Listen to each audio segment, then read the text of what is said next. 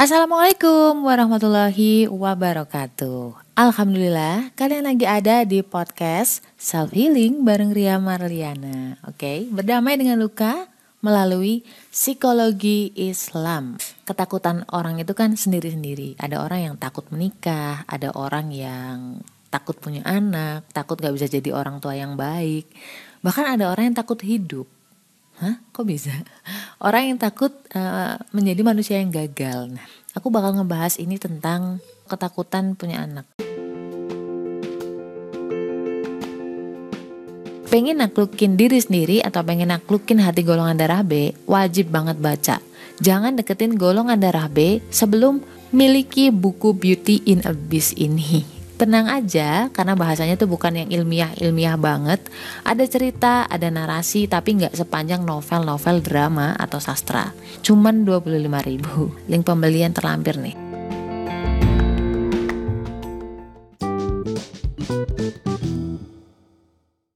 Namanya takut itu kan wajar ya. Dan itu memang godaannya setan. Takut, khawatir, gelisah. Itu hal yang akan selalu membersamai kita seperti halnya kuman, bakteri, dan juga virus. Kamu harus bisa berteman dengan ketakutan kamu. Karena orang-orang yang berhasil, bukan orang-orang yang gak punya rasa takut.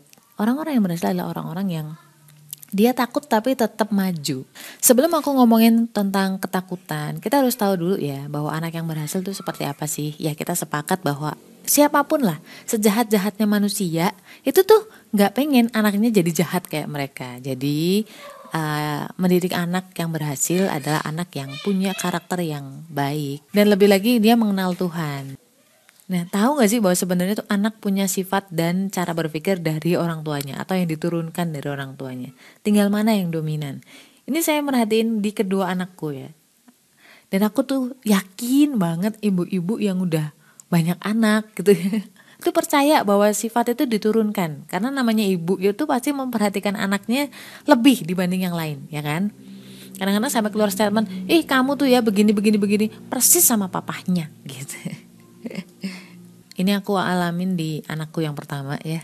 Jadi ketika nanya kalau aku tuh aku ya golongan darah B itu kalau nanya iya nanya aja nggak ada maksud nyuruh nggak ada maksud nyindir atau minta sesuatu. Nah itu it will be different with my husband. Jadi sangat beda dengan suamiku yang ketika nanya itu pasti ada apanya. Bukan apa adanya tapi ada apanya. Ada maksud tersembunyinya. Jadi si Fatir ini si kakak yang udah enam setengah tahun ketika ditanya misalkan ya gelas minum adikmu mana gitu bukannya dia ngejawab dia nyari gelas itu terus ngisiin gelasnya aku sebenarnya cuma nanya doang, minta jawaban doang. Tetapi menurut dia pemahaman anakku itu itu seperti kayak nyuruh untuk ngisi. Dari situ udah udah beda banget antara otakku sama otak anakku. Yang mana lebih mirip sama papahnya. Aku kalau ngelarang sesuatu itu ya dengan kata-kata yang to the point misalkan jangan ke sana, jangan main-main itu. Kalau papahnya enggak. Papahnya terbiasa dengan pertanyaan. Jadi misalkan ngapain sih kayak gitu?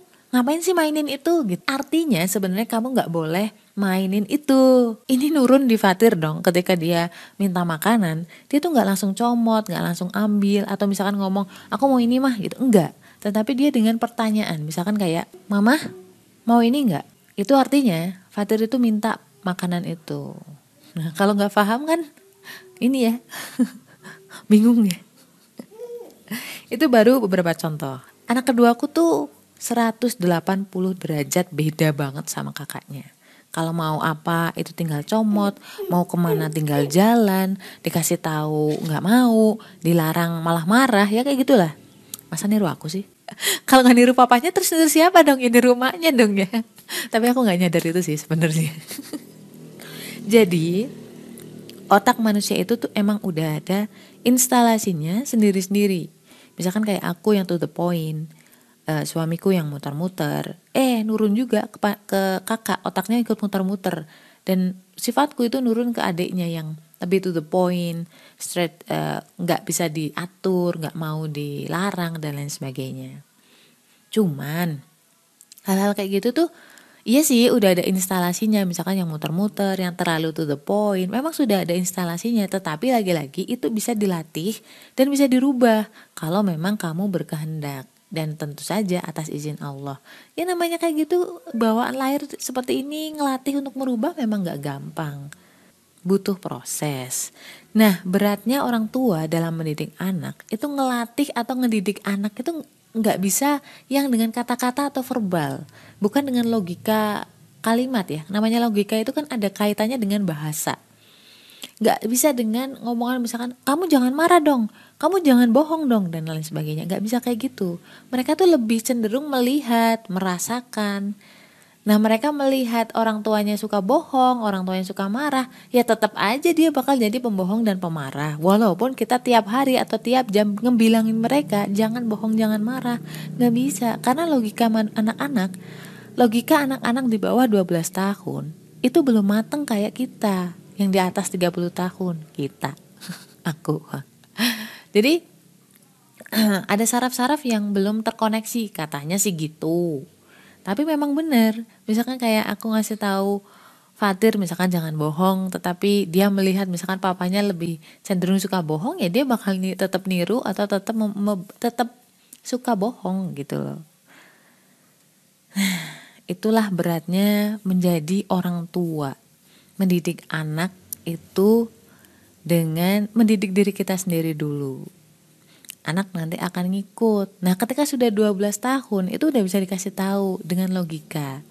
Misalkan, kenapa kamu harus pakai helm? Kalau misalkan itu tuh ngejaga biar kamu pas jatuh, itu kepala kamu nggak terluka. Itu bisa dikasih tahu kayak gitu. Setelah 12 ta 12 tahun karena logikanya udah mulai mateng tuh nggak salah ketika si influencer ini bilang bahwa uh, dia takut menjadi ibu yang gagal atau dia takut tidak bisa membentuk anak yang baik karena memang berat banget.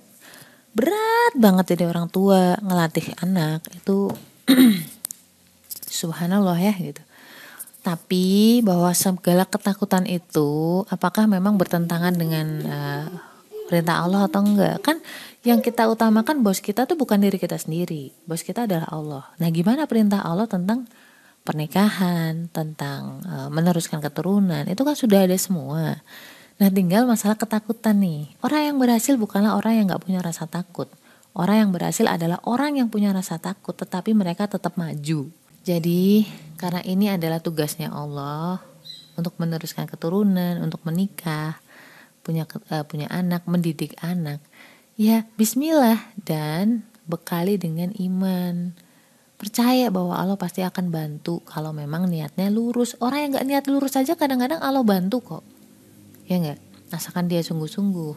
Apalagi kita yang muslim harusnya sih nggak cuma dimensi dunia aja yang kita kejar tetapi juga dunia akhirat.